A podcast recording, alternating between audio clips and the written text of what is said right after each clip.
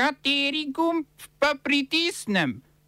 Tisti, na katerem piše OF.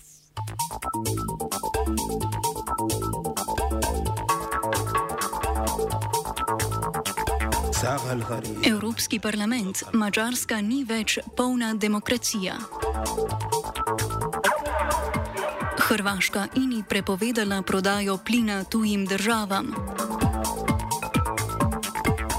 Vlada odstopa od nakupa oklepnikov Boxer.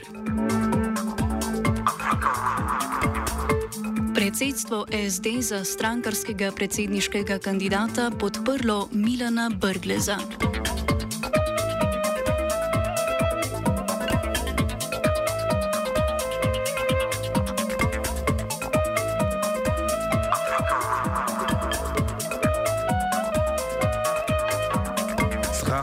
Poslanci Evropskega parlamenta so s 433 glasovi za in 123 proti, 28 se jih je glasovanje vzdržalo, podprli resolucijo, ki ugotavlja, da Mačarska ni več polna demokracija, temveč deluje kot hibridni režim volilne autokracije, v katerem volitve sicer potekajo, a brez spoštovanja demokratičnih norm in standardov.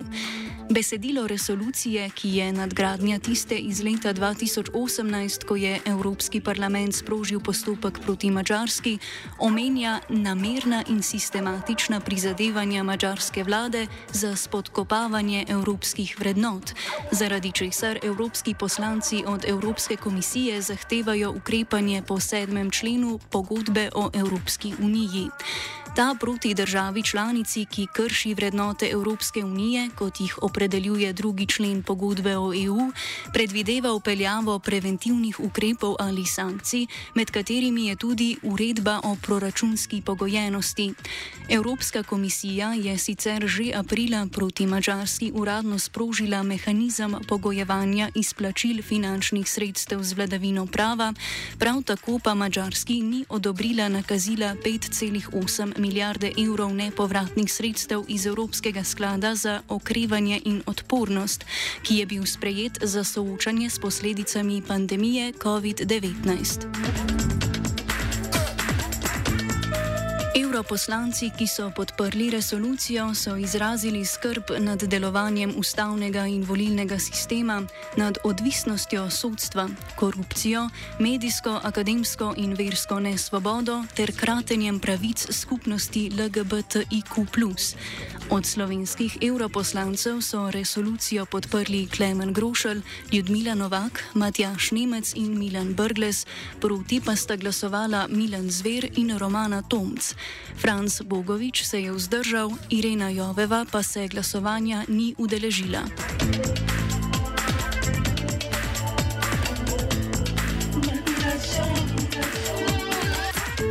Hrvaška vlada je sklenila, da bo moralo naftno-plinsko podjetje INA vse plin, ki je proizveden na Hrvaškem, prodati državnemu energetskemu podjetju HEP. Poleg tega bo morala INA glede na obstoječe načrte povečati proizvodnjo zemljskega plina za 10 odstotkov, kar je po srečanju krizne skupine za zagotavljanje nemotene oskrbe s plinom povedal ministr za gospodarstvo in trajnostni razvoj Davor Filipovič. Ukrep bo veljal od 1. novembra letos do 31. marca prihodnje leto. Naloga podjetja HEP, ki bo kupilo plin od INE, bo nadaljna distribucija oziroma prodaja plina gospodinstvom, bolnicam, vrtcem in drugim institucijam. Kot je pojasnila vlada Andreja Plenkoviča, se tako želijo izogniti morebitnim motnjam v oskrbi, ki bi se lahko po zimi pojavile tako pri gospodinskih kot gospodarskih odjemalcih. Večinski lastnik INE, mačarsko naftno in plinsko podjetje MOL, sicer trdi, da da plina ne izvažajo v tujino. Po navedbah Filipoviča je bil sprejeti ukrep namenjen tujim podjetjem na Hrvaškem, ki so tam registrirala svoje podružnice in plin na to prodajala v tujino.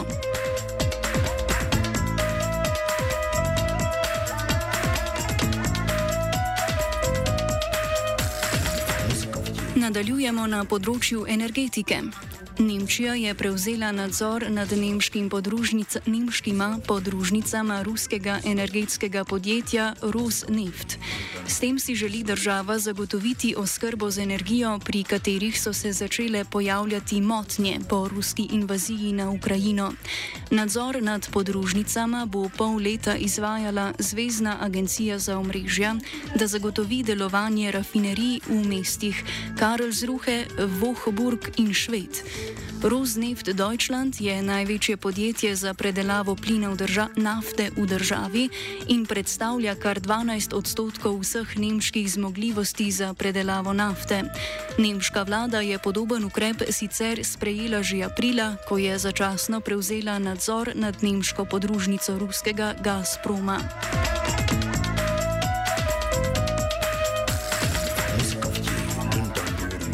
Tunizijski predsednik Kais Sayed je podpisal volilni zakon, v skladu s katerim bodo voljivci na parlamentarnih volitvah, naslednje bodo v Tuniziji 17. decembra, glasovali za kandidate in ne liste političnih strank, kot so počeli do zdaj.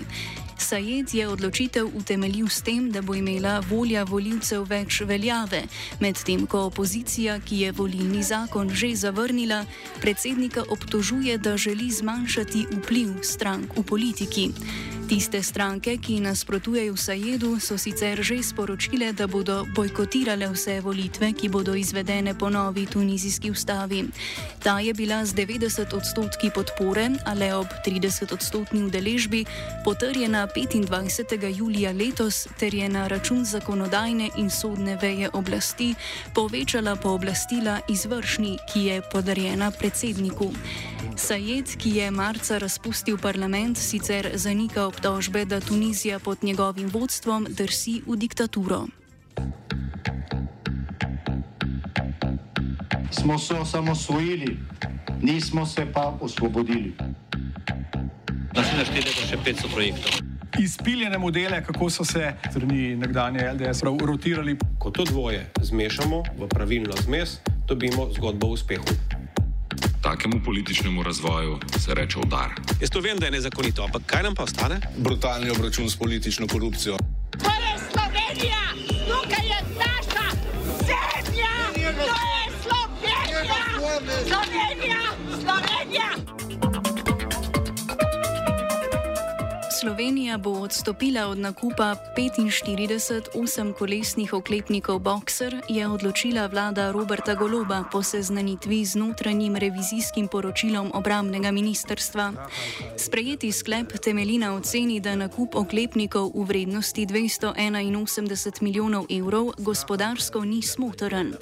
Pogodbo posrednice Organizacije za sodelovanje pri skupnem oboroževanju, krajše OCCAR, z dobaviteljem, nemškim podjetjem Artek, je v imenu takrat odhajajoče vlade Janeza Janše 11. maja podpisal obrambni minister Matej Tonin. Po besedah zdajšnjega obramnega ministra Marjana Šarca iz revizijskega poročila, ki je sicer interno, izhaja, da je bila izbrana najdražja možnost, zato je vlada sprejela odločitev o odstopu od pogodbe. Stroški, ki bodo nastali zaradi tega, so ocenjeni na 20 odstotkov pogodbene vrednosti oziroma 70 milijonov evrov.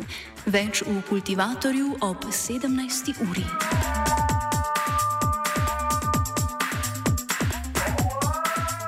Predsedstvo socialnih demokratov je soglasno potrdilo evropskega poslanca Milana Brgleza za predsedniškega kandidata stranke na volitvah, ki bodo 23. oktobra.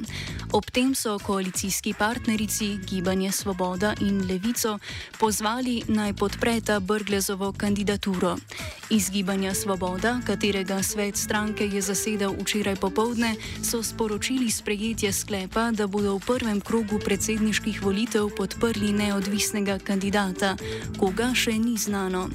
V levici, v kateri še poteka evidentacijski postopek, bodo končno odločitev, kdo bo njihov predsedniški kandidat oziroma ali so pripravljeni podpreti Brgleza, sporočili po seji sveta stranke, ki bo na začetku prihodnega tedna.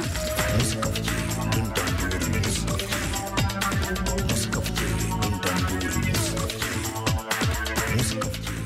Včeraj bi morala potekati seja konference območne organizacije Zveze svobodnih sindikatov Slovenije Gorinske.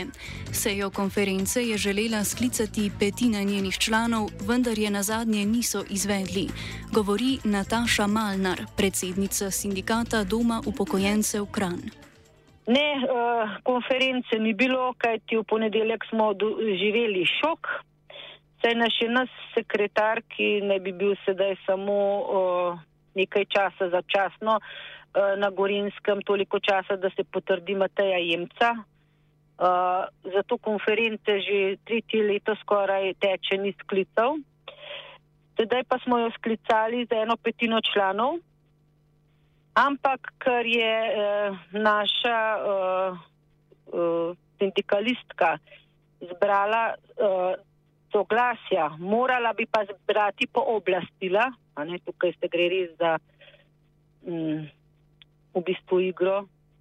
Uh, zato so nam preprečili sklic konference in tudi kazen bi, mogla, bi morala plačati, če bi se konferenca izvedla 5000 evrov, s tem, da je naš sekretar zahteval 7000 evrov. Zahtevo za preprečitev sklica seje je prek odvetnika podal Boštjan Medik, generalni sekretar Zveze svobodnih sindikatov in zastopnik območne organizacije za Gorensko, ki pojasni, zakaj se je obrnil na sodišče. Na sodišče sem se obrnil zaradi tega, ker uh, je bila seja konference uh, sklicana že dvakrat. Uh, takoj zatem sem sklical še tretjič. Um, obakrat je bila nesklepčna. Uh, takoj zatem, ko, uh, uh, ko je bila seja sklicana in nesklepčna, uh, sem vedno bil od iste osebe poziv, takoj zatem, da naj jo ponovno skličem um, z neotemeljenimi zahtevami. Ne.